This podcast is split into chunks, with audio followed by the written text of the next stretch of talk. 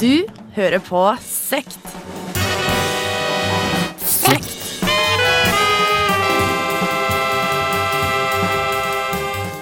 Yes, litt grann tekniske problemer i åpninga av dagens eh, Sondre? Ja, For anledningen så kjører jeg eh, så kjører jeg noe som heter selvkjør. Det betyr at jeg styrer hva som eh, skjer på programmet på egen hånd. Og jeg glemte å skru på mikrofonene. Ja, men, ja, men altså, sånn eh, skjer. Vi gutter er ikke så gode på multitasking. Det er bevist ved flere anledninger. Mitt navn er i hvert fall Sondre Munthe Kaas. I dagens sekt så skal du få lov til å høre om dødsstraff. Og, og på den andre siden av bordet foran meg så står Olav Nikolai Kvarme. Hei. Hei. Eh, hvilken radiokanal er det vi er på, Olav? Vi er på Radio Revolt. Den famøse studentradioen i Trondheim. Frekvens. FM 100 og 106,2. Det stemmer på en prikk, vet du. Eh, Vi har altså om eh, dødsstraff i dag, og vi har ikke mindre enn tre intervjuer som vi skal spille. Aller mest så gleder jeg meg til intervjuet med Kerry McCook, stemmer det? Kerry Max Cook, Max eh, Cook. eh, Mm. som eh, satt eh, på dødscelle i USA i 23 år og var på Studentersamfunnet i november eh, for å prate om sin historie. Utrolig spennende. En utrolig spennende historie. Det skal vi høre litt om eh, senere. Men eh, vi skal ikke bare ha det. Vi skal også møte Amnestys eh, studentnettverk i Trondheim. Vet du hva de driver med? De Nei, nå må du hjelpe meg. De jobber jo da med dødsstraffproblematikk. Og Ja, det er, men det er vel bare én av mange ting. mm, men det er da informasjonsarbeid og hvordan man kan eh, ja, sørge for at uh, folk eh, ikke blir dømt til døden. Da. De sørger for å opplyse folk litt, sånn som det vi prøver på her. Ja, jeg vil si det. Og, Så vi har et langt intervju med dem, og jeg gleder meg veldig til å høre hva de har å si. I tillegg så skal vi ha et lite kunstnerisk innslag. innslag. En reportasje som ble laget i eh, 2008. Eh, litt uh, gammel reportasje, men fremdeles aktuell, med en kunstner som heter Kjersti Andvik. Uh, som, handler, som har jobbet med dødsstraffproblemet på en kunstnerisk måte. Jøss. Disse kunstnerne, hva de finner på. Eh, men eh, mer om det, altså, eh, skal du få snart. Eh, men eh, vi skal eh, spille litt musikk for dere som eh, hører på FM 100 og 106,2. Eh, vi skal spille Reflection Eternal featuring J Electric. Eh, låta heter Only Just Begun. Oh yes, indeed. I like this. I like this. I like this. Hey, yo, hot chat. Da er vi tilbake her på Sekt med Sondre Munthe Kaas og Olav Nikolai Kvarme. Vi skal straks høre intervjuet med Kerry Max Cook, som altså satt på dødscelle i USA i 23 år. Men eh, først kanskje litt praktisk informasjon, som hvordan du får kontakt med oss og sånn i Sekt. Det er veldig lettfint. Du sender en mail til sekt at radiorevolt.no, eller en SMS med kodeord RR til 2030, så får vi den rett inn her i studio, vi, Sondre. Ja, det gjør vi. RR til eh, 2030 er eh, det som eh, skal til, og så er vi Til en nette sum av kroner én. Ja, det er ikke så dyrt. Nei. Men uh, vi prater altså om eh, dødsstraff uh, i dag, og vi var så heldige å få intervju med Kerry Max eh, Cook når han var på Studentersamfunnet i uh, november. Ja. Ja, for i Norge så eksisterer det jo ingen dødsstraffdebatt. Det er en utgått middelaldersk straffeform som vi egentlig ikke aksepterer. Dette er også hovedutviklingen internasjonalt sett, men i USA er debatten høyst levende, spesielt etter flere saker de siste årene hvor uskyldige mennesker har blitt dømt til døden. Lukket, låst, nøkkelen kastet. Og du har fått datoen du skal dø, lest opp for deg. I fengselet blir du mishandlet og voldtatt av de andre fangene. Du er uskyldig, ja, det er du. Men det er det selvfølgelig ingen som tror på. Ikke noen som kan hjelpe deg, i hvert fall. I desperasjonen prøver du å ta livet ditt. To ganger. Nei, dette kan ikke skje meg. Jeg lever i et opplyst demokrati. Marerittene vekker deg om natten, og du våkner kun for å innse at det hele er ditt liv, realisert i et mareritt. Carrie Max Cook satt 23 år på death row. Uskyldig. Dette etter å ha fått en dødsdom på slutten av 70-tallet, basert på indisier. I det texanske rettsvesenet holdt det med et fingeravtrykk som visstnok kunne dateres til et klokkeslett for å dømme mannen til døden. Videre antok man at heterofile Cook var en degenerert homse som med kaldt blod hadde slått i hjel Linda Joe Evans fordi han hatet kvinner. Kun kort tid før dødsdommen skal fullbyrdes, åpnes fengselsdørene for deg. Du er en fri mann, sier noen, og du kan ikke tro det du hører. Frihet er kun et abstrakt begrep for deg nå. 23 år av livet ditt er borte. Men når du til slutt kommer deg ut av fengselet, oppdager du at dine bødler aldri kommer til å bli stilt til veggs. Ikke engang en unnskyldning skal deles ut. I Kerry Cooks egne ord. Have you ever been like officially exonerated by the government of Texas?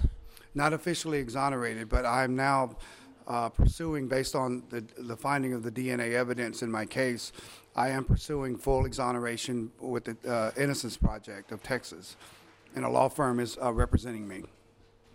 Yes. Why is it so that there is has no been been no official exoneration?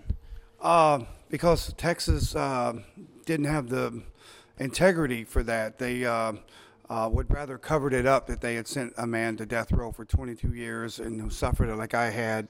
Uh, and uh, it was an admission of guilt. It would have opened him up for a civil suit for civil rights violations, and that's the way it is in America. They don't they don't admit even in cases of DNA that there was a mistake made. So uh, uh, I waited. I've been out 10 years now. I, I wrote a best-selling book called Chasing Justice. I I've done a movie called The Exonerated, and with that kind of credentials behind me, I'm now ready to pursue the full exoneration and compensation for all the years that I suffered innocent in prison. What were the immediate responses um, that you got when you got released from prison?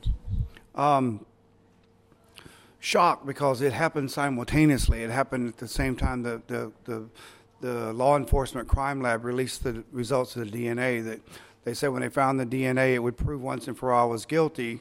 And then when it showed it was the original suspect in the case, her married ex lover, uh, it was total silence. It was shock. Are there any reactions towards the people that did wrongful things afterwards? No, uh, silence. The DNA, as I said, was the great silencer. Um, uh, th- there was no apology. There was no uh, acknowledgement of wrongdoing. Uh, my story is said to be the worst example of police and prosecutorial misconduct in American history, well documented. I mean, if, even if you put the DNA, excuse me, even if you put the DNA to the side, the prosecutorial misconduct in my case is not just simple wrongdoing to convict a guilty person. They actually hid the evidence that I was innocent. So it's uh, the, the DNA. All it did was just echo the truth that was already there. Their silence was the admission of innocence. Their silence, because before that it was just uh, if they if they thought anything different, they would have con- they would have said it. But the DNA was the great silencer. Vi møtte Kerry Max Cook når han besøkte Norge og Studentersamfunnet i november 2009. Han var da i Norge i forbindelse med europalanseringen av sin bok 'Chasing Justice'. Cook feller en nådeløs dom over det amerikanske rettsvesenet.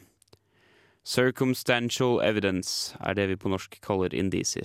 You were sentenced uh, by circumstantial evidence. Um, do you think that's a common problem when it comes to people on death row?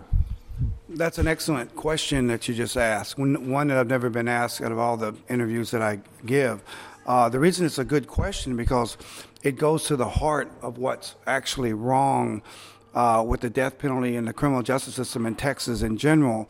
Uh, we have in, in America what's called uh, reasonable doubt. The prosecution's legal burden is to establish guilt beyond a reasonable doubt, not guilt beyond a shadow of a doubt. And what happens is that um, uh, there's a great deal of circumstantial evidence cases uh, that juries convict and sentence people to death, and then the prosecution argues once they get the conviction that there's absolutely no doubt that this person's guilty beyond a shadow of a doubt.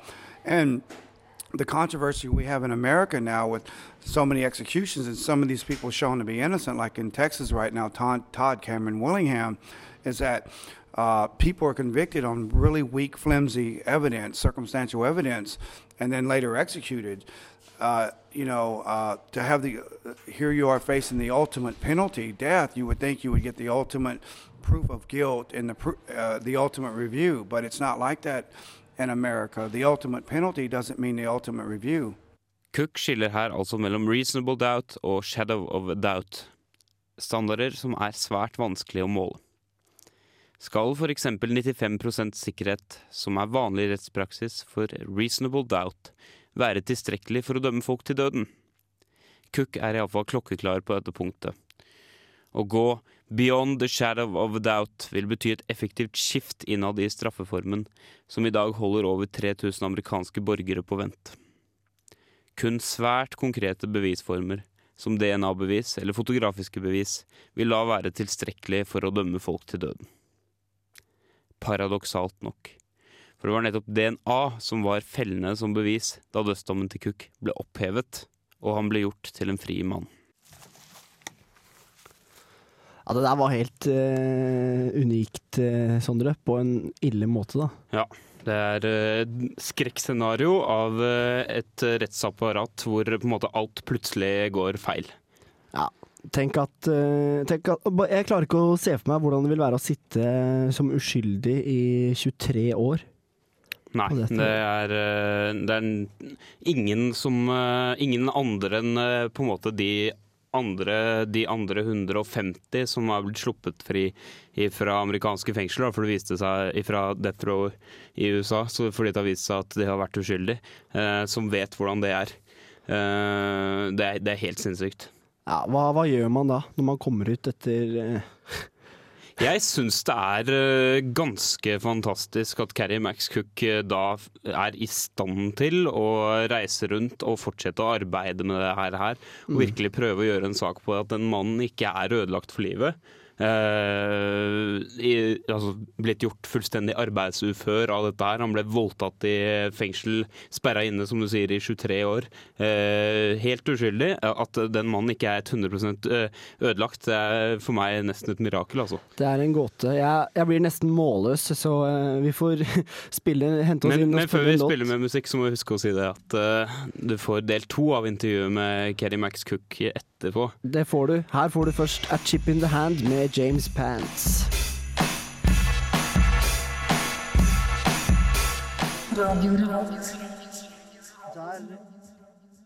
Der hørte du James Pants med låta A Chip in the Hand, og vi skal gå videre til andre delen av intervjuet med Kerry Max Cook. Nå vil han fortelle litt om hvordan han tror utviklingen av dødsstraffspørsmålet i USA vil være i årene framover.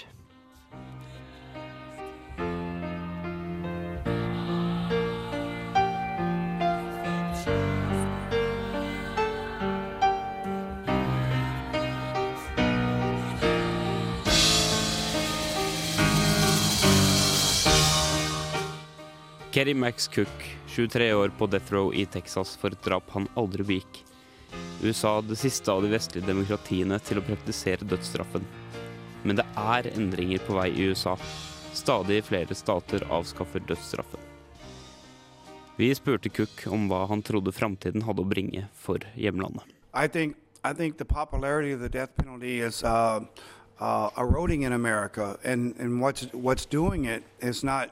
uh, just simply put what's what's eroding the, the belief, if not the faith, in the death penalty in America is is the uh, high incidences of what's being uh, shown in the American media now of innocent people actually being not only convicted, but the tragedy of actually being executed as well. That's what's doing it. That's the only thing that could have done it. Nothing else would have. Nothing else has worked. You can argue racial disparity. You can argue uh, only the poor suffer it. You can argue uh, uh, all those, make all those different arguments, and it won't budge the American public. But when you're able to show that innocent people are actually not only suffering conviction but are suffering the ultimate penalty being executed, Americans woke up from a sleep. We have over uh, nearly 140 people that's been exonerated from America's death row since 1976 when the United States Supreme Court brought back the use of capital punishment. That's 130, the only ones we know about, because it's a penalty where the state gets to bury their mistakes. But uh, those 130, those are very powerful stories, and in some cases, uh, DNA exoneration, where it's absolute, absolutely no doubt whatsoever.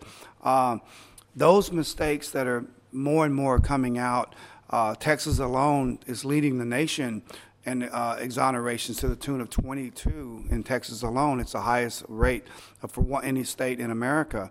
Uh, it's showing the, the, the, the, the fallibility of the criminal justice system, which was always protected in America, like uh, not making these kind of mistakes. Well, that myth is being shattered, and people in America, even conservative people, uh, are under, like right now in the Todd Cameron Willingham case, the evidence seems to be overwhelming that he was convicted innocent based on junk sciences and he was executed innocent.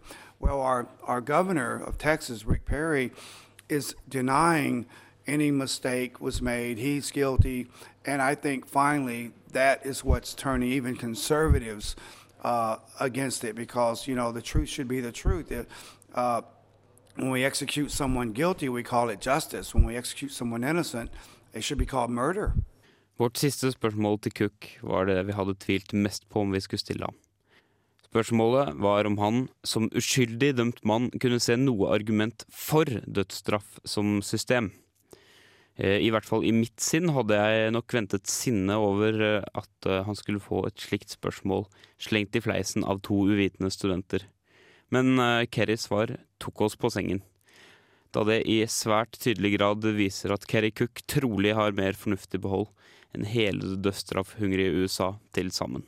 In in your opinion, uh, this might be a sensitive question, but in your opinion, is there any kind of defense for capital punishment as a form of punishment? Uh, no, and, and the answer to uh, and the reason I answer that like that is this: um, I don't think innocent people should be the collateral damage to practice a system that is repeatedly showing the fallibility of it, and that that, that, that, it makes these these mistakes because it's human, it's operated by humans.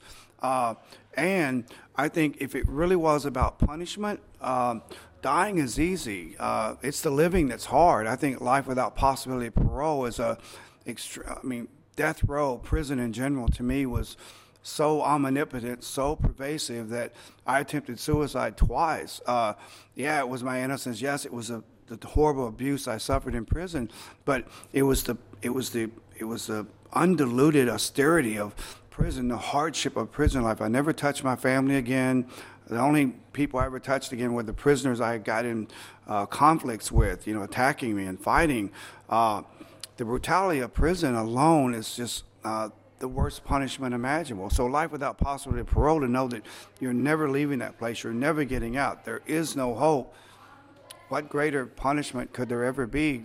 Uh, people like that beg for the opportunity to die. They drop their appeals. They they're executed because they want to be executed to get out of that life. So that's the ultimate penalty Der hørte du altså intervjuet med Kerry Max Cook, som satt uskyldig dømt på death row i USA. Har du lyst til å lese hele historien hans, så kan du kjøpe boka 'Chasing Justice' på norske nettbokhandlere med leveringstid på mellom 10 og 20 dager. Intervjuere i saken var Sondre Munthe Kaas og Anders Småsund. Og Sondre, du eh, sitter jo her i studio og har noe statistikk om dødsstraff. Ja, eh, vi måtte jo ta en titt på det etter å ha hørt eh, Kerry sitt utlegg om hvordan situasjonen er i USA. Da. det finnes en gruppe som holder til i Washington som heter Death Penalty Information Center, som jeg vil tro er en ganske troverdig kilde. Noen litt spennende tall fra dem her. Kerry Cook han var jo inne på det her med at klasse- og rasespørsmålet går ikke hjem i dødsstraffdebatten i USA. Altså Det eneste som har noe å si, er eh, om det blir dømt uskyldig eller ikke. Det er det som endrer opinionen. da. Mm. Uh, og det ser du veldig tydelig i studiene når man ser på det med rase. For uh, bare følg med på uh, følgende. Hvis den som er tiltalt er hvit og offeret er svart, så eh, snakker vi om 15 personer som har blitt henretta på det grunnlaget. Okay. Eh, men hvis, eh, hvis, den som er tiltalt er svart og offeret er hvitt, så har du 243 dommer den andre veien. Det er jo en underlig statistikk i beste fall. Helt sinnssykt. Det er 0,5% altså svart drept hvit mot hvit drept svart. Ja. Nei, det er, det er helt sinnssykt. Uh, uh, og også uh, er det sånn at eh, oddsen for, i f.eks. North Carolina for å få dødsstraff mm. stiger med 3,5 eh, ganger eh, hvis eh, offeret er hvitt. Jeg, jeg blir måles, faktisk. Helt, eh, helt sinnssykt, altså. Eh, eh, eh, videre så er det en sånn stor statistikk over uskyldige, da, som eh, Carrie Max Cook er en av. Eh, og der er det Flora Illinois som har eh, sluppet ut desidert flest eh, uskyldige, eh, med henholdsvis eh, 23 og 20 hver. Det er mange for hver sin stat, altså. Eh, og det er siden 1973, da, så over 130 personer uskyldige har eh, sluppet ut fra death row. Det er helt eh, utrolig. Dødsstraff det er noe jeg egentlig bare assosierer med altså, land som kanskje ikke har demokrati, som eh, ikke oppfyller grunnleggende menneskerettigheter. Det er ikke noe jeg forbinder med vestlige demokratiske samfunn i det hele tatt. Nei, og USA er jo det siste nå. Det er det siste av de, av de tradisjonelle vestlige demokratiene da, som har dødsstraff, og det gjør det så interessant uh, som studieobjekt. Akkurat det skal vi komme tilbake til eh, litt senere i sendinga, for vi har intervjuet Amnesty Studentnettverk i Trondheim. Mm, Det gleder jeg meg til å høre. Først så får du en helt fersk låt her på Radio Revolt. Dette er Fish Eye med bandet The Shining. Yeah!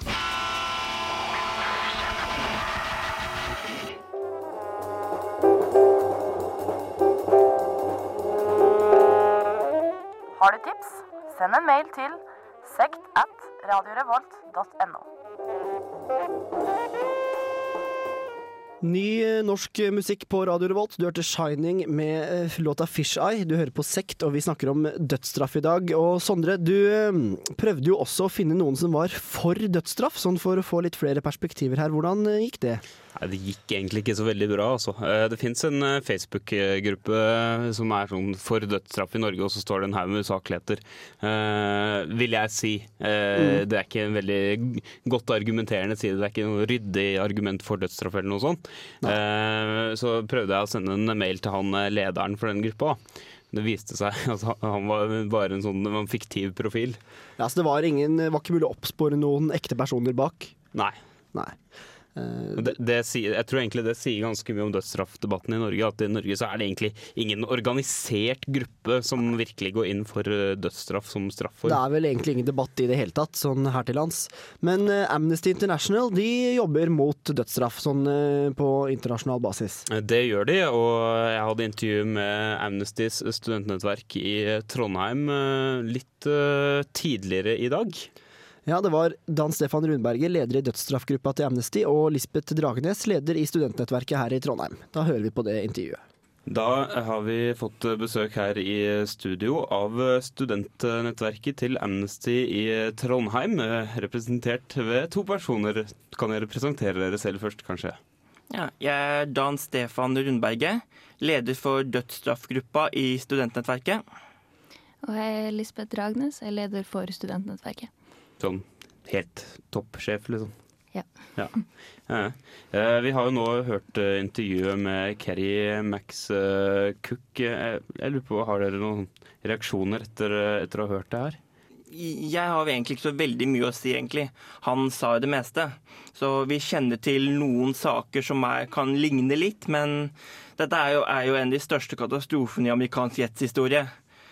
Så altså, vi hadde vitner og ekspertvitner som har latt seg presse av politiet til å avgi falske forklaringer, som dette her med DNA, eller fingeravtrykk, mener jeg, som ikke som kunne, ikke kan dateres, enda eks- rettsekspert påsto det og lignende ting. Folk som påstår, da, folk som sitter i dødscellene selv, som har påstått at Kerry eh, har tilstått til dem, og sånne ting, for å få mildne sin egen straff, da kanskje, og litt sånt. Så Det er en ganske sinnssyk historie, med andre ord. ja, så klart det. Det er ingen tvil om. Men eh, det er altså den det er kanskje den mest ekstreme historien, men den er jo ikke alene, som eh, han var inne på. Det er noe sånn som Siden 70-tallet så er det noe sånn som 130 personer som har sittet på death row, som har blitt eh, frikjent i ettertid. Det er jo ganske kolossalt antall. Mm, Det er jo veldig skummelt, som sagt. da, altså. Og og da man har sånne tall, da er det alltid faren for at uskyldige også blir dømt. Det er jo mye oppstyr nå i USA rundt saken, som også Cook med Willingham-saken. Hvor, hvor nyere forskning da, innenfor feltet med brannforskning og den slags har fram, har, fram, har mange eksperter nå uttalt, sagt at uh, det er ikke noe grunnlag for å si at Willingham-saken var eh, på, påsatt brann. Og det er ikke noe grunnlag helt tatt for å si at det var mord. Og enda Willingham ble henrettet i 2004. Mm. Så mm, Ja, det var, en, det var en annen sak fra Texas. eh, mm, nettopp. Men eh, en kar som ble dømt for å ha Påsatt mordbrann, ja. Og på, familien. på familien Eh, sin. Kona og tror det var tre eller fire barna hans døde i en brann. Men det har nå sagt veldig spørsmålstegn, det blitt et store spørsmålstegn ved da, om det i det hele tatt var mordbrann. Og i tillegg til de 130 som er blitt frikjent, så spørs det da om det fortsatt sitter uskyldige som um, kanskje har fått samme skjebne som eh, Willingham, uten at vi har noen dokumenter på det. Mm. En sak med Amnesty har jobba veldig mye med i det siste, som ikke vi i nettverket i Trondheim jobber med. Altså, jeg kan ganske minimalt om saken. Men du har jo Troy Davies-saken, som nå har gått til en ny høring igjen. da. I kort tid før egentlig skulle henrettes, så har saken fått en ny høring fordi alle unntatt to vitner har nå under, har undertegna uh, en sånn affidavits, jeg vet ikke nøyaktig hva det er, men uh, de er da, undertegna utsagn hvor eh, de sier at de oppga falsk forklaring. Og det, eneste, det er kun nå to vitner som ikke har gjort det, og en av dem er den andre tiltalte i saken. Og Hun skal nå holde en ny høring da, basert på dette her. Og det er ingen tekniske bevis i saken. Så jeg vil si at Troy, Nok et, nok et eksempel på en sak ja, hvor det er masse mystisk som foregår. mm, Troy Davis er 70 nå i er det 15 eller 18 år, rundt den tida i hvert fall. Jeg lurer litt på hva dere i eh, Amnesty-gruppa i Trondheim gjør i forhold til dødsstraffspørsmålet. Vi jobber vel først og fremst på to forskjellige måter. Vi, enten tar vi opp enkeltsaker, som vi har gjort ganske lite av i siste, eller så fokuserer vi mer på å spre informasjon her i landet. Et eksempel er jo eh, denne Willingham Eller ikke Willingham, men eh, Kerry Cook-møtet. Og så har vi jo selvfølgelig også dødsstraffuka, som vi hadde i oktober 2008 her i Trondheim, hvor vi, satte, hvor vi retta en aksjoner da, opp mot eh, presidentvalget i USA. Hvor vi både hadde ting som foredrag på Dragvoll, vi hadde stand på noen utesteder, i hvert fall Storås var vi. og så hadde vi jo en resolusjonsforslag lagt fram og vedtatt på Samfunnet med en massiv, massiv antall stemmer. Så det var vel altså, sta, altså Samfunnet var fullpakka, og det var tre stykker sånn som ikke stemte for. Og på, I det storstatsmøtet, så Det er jo ganske, det er jo ganske bred enighet i Norge om at dødsstraff er en dårlig idé. Hva tror du, Lisbeth? Det virker sånn, ja. mm, heldigvis. Hvordan er det med å jobbe med, med dette dødsstraffspørsmålet i forhold til amerikanere, i forhold, eh, f.eks. hvis du sammenligner med andre land? Da. Jeg ser for meg at det er lettere å ha noe med det amerikanske rettsvesenet å gjøre enn f.eks. å legge press på Iran, men hvordan er det her? Ja, så selvfølgelig så jo, USA har jo to ting gående for seg. Det er rettssikkerhet, hvor vi da har en og klar, vet alltid hvem det er som sitter på dødscelle, hvem blir henretta, hva blir sagt i retten, alle sånne ting. Så det er ikke noen hemmelighetshold der, som i mange andre land. Hvis du ser på, over, hvis du ser på en oversikt over antall henrettelser i verden, og hvilke land det blir henretta i, på listene da er de fleste landene der et, de fleste tallene da, på antall henvendelser et pluss etter seg på Amnestys lister.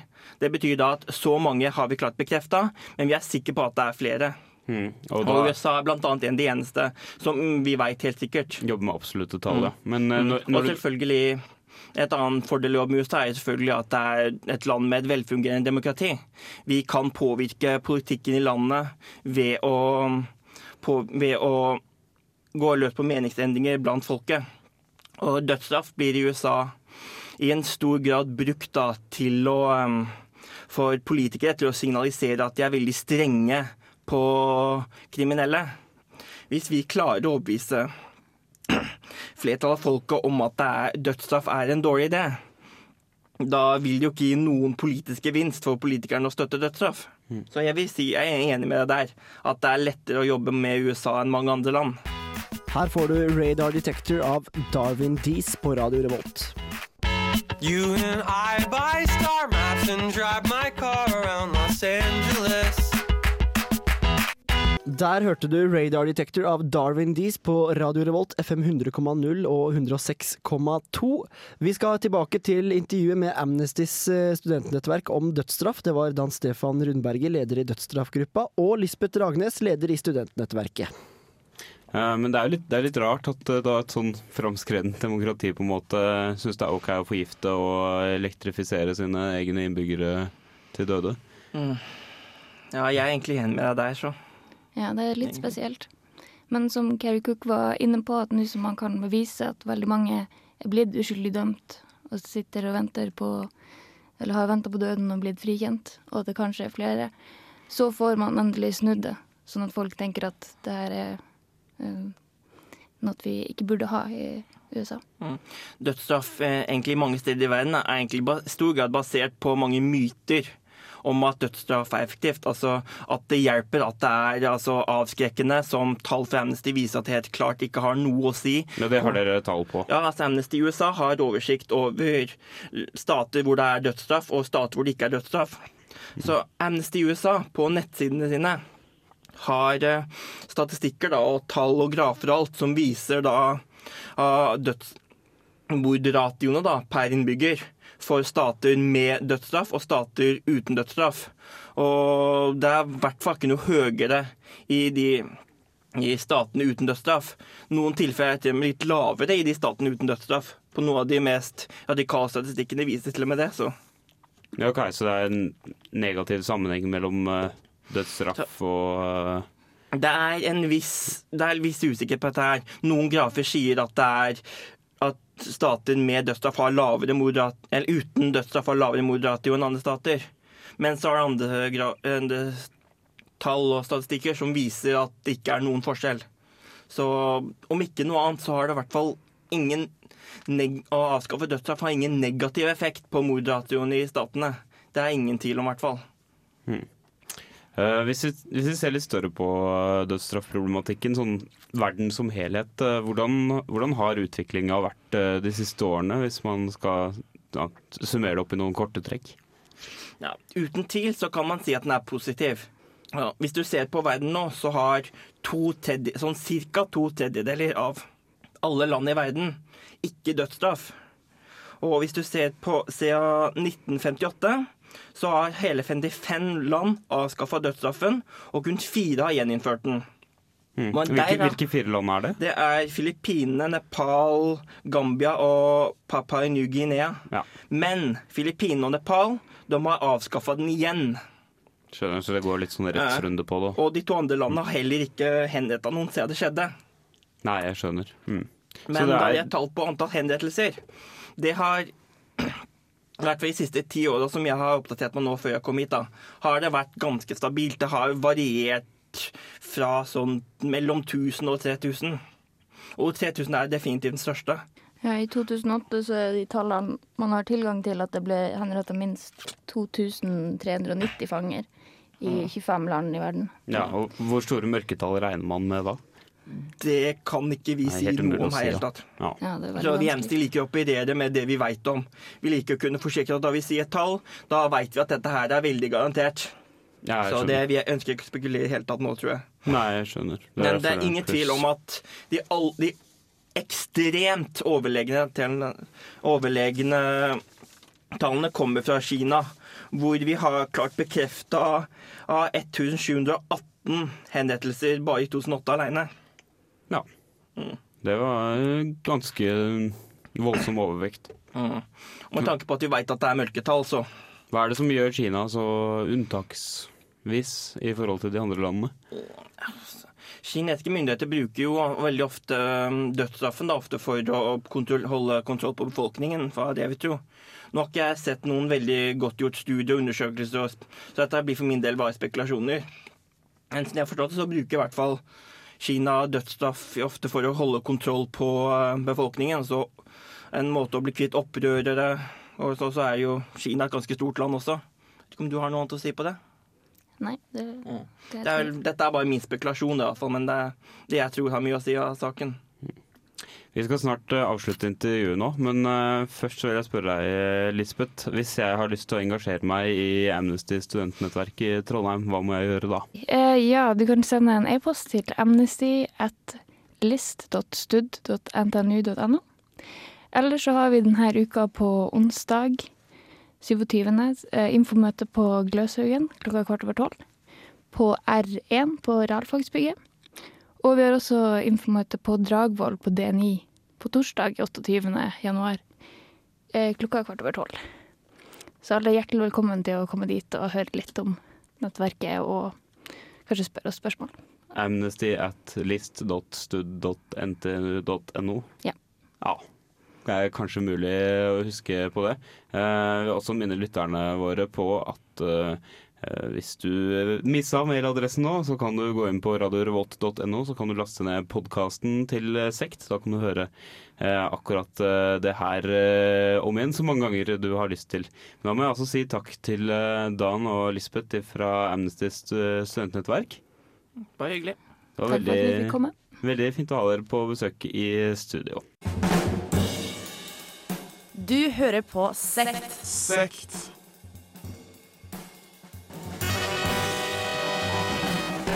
Der hørte du altså Lisbeth Dragnes og Dan Stefan Rundberget fra Amnesty i Trondheim. Og vi skal nå innta et litt annet perspektiv på dødsstraffdebatten, Sondre.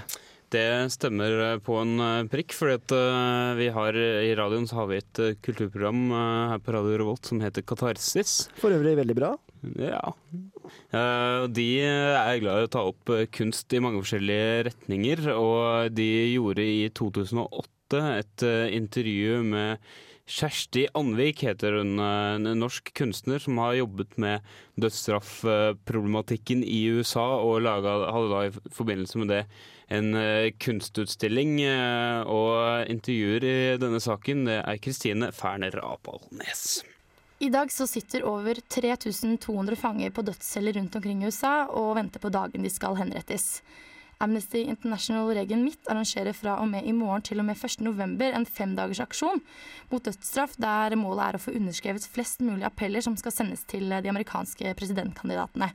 Og en av de som kommer, er kunstneren Kjersti Andvik, som eh, sammen med generalsekretæren i Amnesty International og journalist Gunnar Hybertsen på torsdag vil snakke om eh, temaet på kafeen Nattegallen. Hei til deg, Kjersti. Hei, hei. I 2006 så skrev du et brev til eh, den dødsdømte Carlton A. Turner, hvilket skulle føre til et helt unikt samarbeid. Kan du fortelle litt om kunstprosjektet? Ja, altså veldig kort eh, fortalt så begynte det med at jeg lærte meg å strikke. Og øh, strikk i seg sjøl syns jeg var veldig veldig fascinerende eh, materiale å jobbe med. Fordi at eh, alt henger sammen i én tråd. Og det er også noe veldig meditativt med å sitte og, og strikke. Uh, og så ganske nylig etter det så var det en venn av meg som fortalte meg en historie om kvinner som sto og strikka ved giljotinen under den franske revolusjonen. Så utgangspunktet for vårt samarbeid var rett og slett den sammenhengen mellom strikk og dødsstraff. Hvordan påvirket dette samarbeidet deg følelsesmessig, og hvordan, hvordan ble denne kontakten med den dødsdømte? Nei, altså i utgangspunktet så skrev vi sammen i ett år. eh, og da skrev vi stort sett om prosjektet. Eh, om eh, hvordan, altså hva slags estetiske valg vi skulle ta, og i forhold til hva det vil si. Så det var egentlig begynnelsen på det. Vi skrev sammen i ett år, og så etter det så dro jeg og besøkte han. Og da var det litt tilfeldig, men første gang jeg traff han var jeg tror det var nøyaktig seks uker før han i utgangspunktet hadde en dato for henrettelsen sin. Og det er klart at da blir det jo ting veldig emosjonelt. Det er ganske vanskelig, tror jeg, å gå inn i et fengsel og treffe et menneske som man da har skrevet med og hatt kontakt med i ett år, og vite at det mennesket skal faktisk bli henretta seks uker etterpå. Kunstprosjektet og engasjementet ditt har jo vekket stor oppmerksomhet, og til og med Jonas Gahr Støre viste stor eh, entusiasme da han ved høstutstillingen i 2007 viet store deler av eh, åpningstalen til å prate om dødsstraff og ditt kunstprosjekt. Hva, hva tenker du om dette? Det jeg tenkte akkurat om det, eh, var jo hvor fantastisk det er at man kan lage et så lite arbeid og så plutselig får det en så enorm betydning. Du kan si at det arbeidet som, som Jonas Gahr Støre prata om, og som på en måte var inngangsporten hans, eh, var jo en del av et mye større prosjekt. Men arbeidet i seg sjøl, som, som var inngangsporten til Jonas Gahr Støre, var jo et skjerf som jeg strikka på en dag. Så det, det at på en måte en, en sånn, om man vil, liten ting da, plutselig kan få sånne ringevirkninger, er jo en ting jeg syns er helt fantastisk. Eh, bare av nysgjerrighet, og for de som kanskje ikke har sett eh, resultatet av denne strikkecellen, kan du forklare kort hvordan den ble? Ja, altså det Carlton og jeg bestemte oss for å gjøre, var å strikke en tredimensjonal replika av cella hans. Eh, så det er rett og slett en strikk som er strekt over et rammeverk, som har de nøyaktige målene på hva Carlton sin celle hadde. Eh, Bare helt til slutt, vi har jo tema hvordan kunst og kultur kan eh, sette søkelys på viktige ting i samfunnet, og, og hvordan det kan fremme en politisk sak. Eh, Hvordan tror du kunst og kultur kan fremme en politisk sak? Altså, jeg tror jo veldig på det å sette fokus på ting. Og jeg tror også veldig på det å ikke nødvendigvis fortelle hva som er rett og galt, men å, å hva skal man si, åpne for refleksjon. Eh, det er det jeg tror. Vi nærmer oss eh, toppen av timen, som det ofte kalles, Sondre. Sondre. -hmm. Og håper alle som har hørt på dagens episode av eh, Sekt, eh, som går hver mandag eh, mellom 14 og 15, syns det har vært eh, en ålreit opplevelse. Jeg er iallfall veldig glad for eh, de tre intervjuene som vi har hatt i dag. Ja. Spesielt eh, da selvfølgelig intervjuet med Carrie Max eh, Cook, som man hørte i begynnelsen av sendinga i dag også. Ja, det er en helt utrolig historie. Som sagt, kjøp boka hans eh, 'Chasing Justice' hvis du er interessert i å høre mer om det. Neste gang på Sekt så skal vi til en mørk subkultur. Eh, satanisme skal vi prøve å grave oss litt ned i og se hva det dreier seg om. Er det så skummelt som eh, man kanskje tror, eller er det ikke det? Jeg vet ikke, du, eh, du, kjenner du noen satanister, f.eks.? Nei, jeg kjenner ingen satanister, men jeg vet at det ble arrangert en satanismekonferanse før jul. Det ble det her i Trondheim. eh, Den eneste i sitt slag på verdensbasis. En sånn akademisk satanismekonferanse, og jeg var selvfølgelig til stede. Det var eh, spennende. Det høres helt sinnssykt ut, Olav. Ja. Men med det er også dagens episode av Sekt ferdig. I studio Olav Nikolai Kvarme og Sondre Munthe Kaas. Og selvfølgelig dagens tekniker. Han heter Sverre Magnus Mørk. Tusen takk, Sverre. Da høres vi alle neste uke på FM 100,0 eller 106,2. Yeah!